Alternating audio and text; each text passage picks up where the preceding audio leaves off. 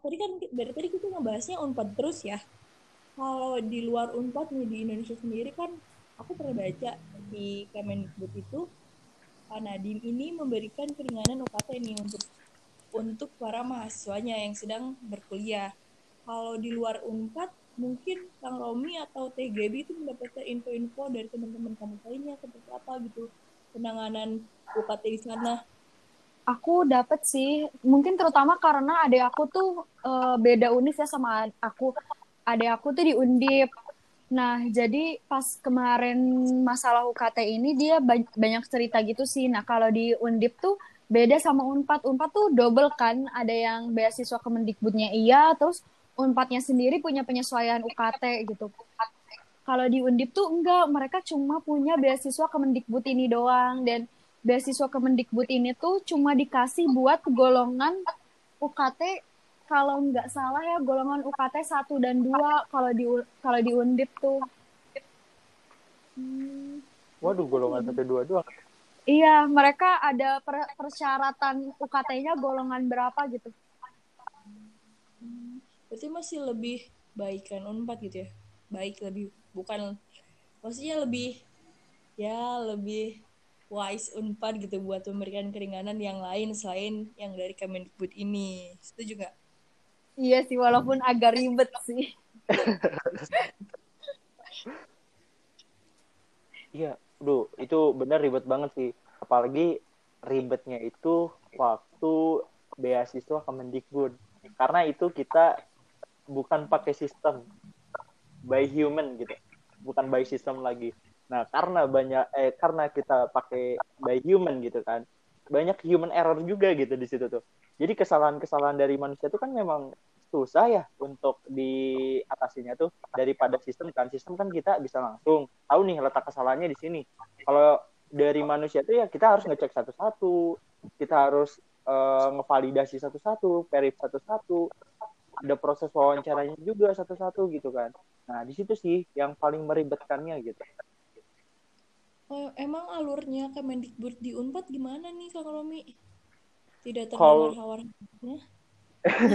Iya, kalau di Unpad itu uh, jadi memang prosesnya kita secara manual karena uh, kita juga ingin turut apa ya namanya itu ada uh, apa ya namanya itu ada dari pihak mahasiswanya. Iya, ada pokoknya pihak mahasiswanya yang megang gitu kan. Supaya kan kita benar-benar objektif gitu. Kita benar-benar objektif. Nah, makanya kita pakai sistem ya kita terpusat dari BEM-Kema, BEM-Kema Unpad gitu. Kita membuat Kikom, e, BEM-Kema membuat Kikom, dan semua mengisi terintegrasi ke sana. Nah, karena memang e, dari seluruh fakultas fakultas ini ada 16 gitu. Fakultas ini ada 16 dan semuanya dipegang sama BEM-Kema. Ya tentu saja gitu dengan e, apa ya namanya terbatasnya SDM yang ada di BEMKEMA gitu. Mengatasi puluhan ribuan mungkin ya ribuan atau puluhan ribu mahasiswa unpad gitu. Itu gak gimana gak ada kesalahannya gimana gak capeknya gimana gak ribetnya gitu kan. Kita mengurusi uh, mungkin dari BMKMA ya BMKMA mengurusi ribuan-ribuan mahasiswa unpad gitu. Itu wah ribet banget paling kan uh, untungnya gitu untungnya aja dari skema ya uh, meminta bantuan gitu kayak kita kita fakultas ya kita kolaborasi. Uh, iya gitu. Uh, untungnya aja uh, ada beberapa mahasiswa yang menetap mungkin tuh berkorban gitu berkorban demi mahasiswa demi hajat yang banyak berkorban menetap di Jatinangor. Dan apalagi uh, saya salut gitu. Aku salut gitu. Ngelihat kayak Kang Rizal, Kang Urfan dan teman-teman ketua BEM dari fakultas-fakultas lain itu yang nyampe menetap di Jatinangor gitu. Demi uh, apa ya mesejahterakan hajat banyak. Itu UKT ini gitu ya?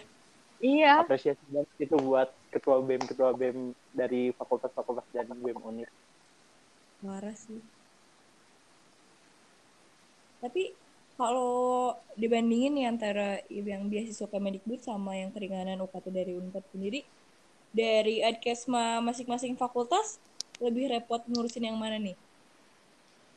Kalau aku penyesuaian UKT karena jauh lebih banyak. Jadi kalau di FAPSI itu emang kita maksimalin dulu semua orang di penyesuaian UKT biar nggak ada kebij uh, biar kalau bisa sih nggak ada yang ikutan Kemendikbud. Kenapa? Karena di awal aja tuh udah ribet banget. Masa kayak salah persepsi tentang syarat dari Kemendikbudnya itu. Makanya jadi sempat kehambat juga dan kehalang. Nah, kalau aku sih lebih ribet penyesuaian sih dibanding Kemendikbud. Kayaknya kalau Romi lebih lebih ribet Kemendikbud gak sih, Mi?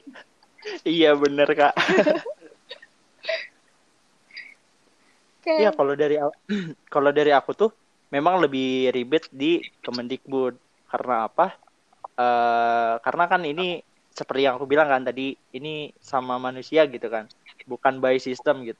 Dan akhirnya kita ngecekin satu-satu. Mungkin Papsi udah terbiasa kan? Karena ini mungkin mirip-mirip ya. Skemanya mirip-mirip ada wawancaranya dan lain-lain gitu kan. Nah maka dari itu kita ngerasanya agak ribet aja sih.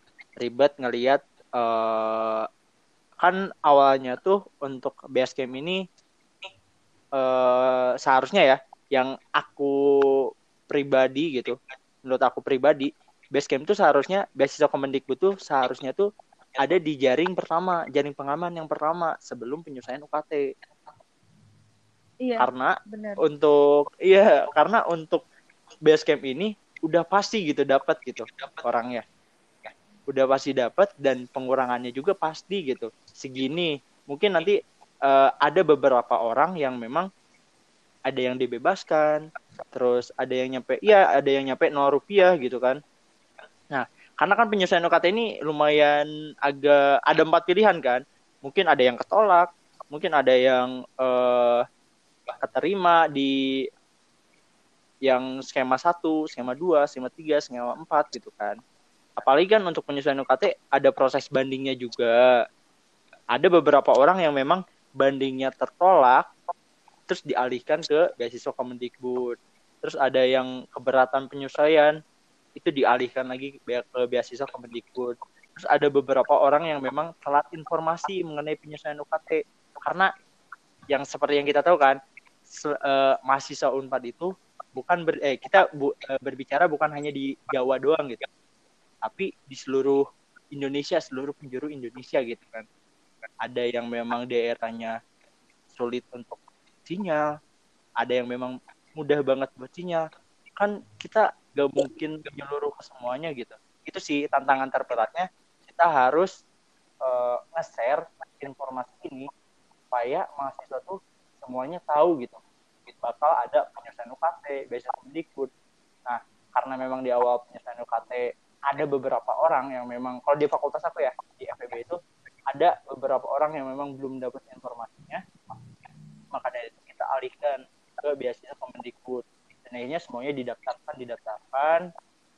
Uh, terus kita memproses alurnya secara uh, manual kayak gitu. Ada proses wawancaranya ada proses verifikasi datanya dicek terus satu keaslian datanya karena itu memang kita kan nggak pakai sistem ya. Kalau kan kalau pakai sistem kita nggak masukin ke di input di input input input nanti validasi ya, validasi gitu kan. Ngecek aslinya kalau ini kan kita harus ngecek satu-satu oh ini asli. Oh ini oh ini gak jelas nih fotonya. Harus minta lagi ke orangnya hubungin orangnya langsung. Terus uh, harus konfirmasi sama orangnya langsung kalau misalkan ada kecacatan atau apa gitu. Ada informasi yang apalagi kan kemarin kalau dari FEB sendiri ya FEB sendiri itu ada kesalahan dari uh, formula. Kan kita nyusunnya di Excel ya. Iya. Nah di situ ada kesalahan formula. Dan itu mempengaruhi angka-angka yang di belakangnya itu jadi nol semua. Waduh. dan kita harus memperbaiki satu-satu memperbaiki formulanya lagi kayak gitu. Mungkin ribet ya, ya. ribet ya, banget itu Mana yang ikutnya hampir seribu orang coba seunpat ya Allah pusing. Pusing pisan pokoknya malah. Tapi terima kasih loh ya untuk adkesma-adkesma di fakultas maupun di universitas telah memperjuangkan hak-hak kami gitu ya untuk mendapatkan keringanan untuk pembayaran UKT kemarin. Terima kasih. Sama-sama senang membantu kok. Iya, sama-sama. Nanti dibalasnya sama yang di atas tapi bukan bohlam lampu ya. Aduh, di atas apa? Tuhan kita semua.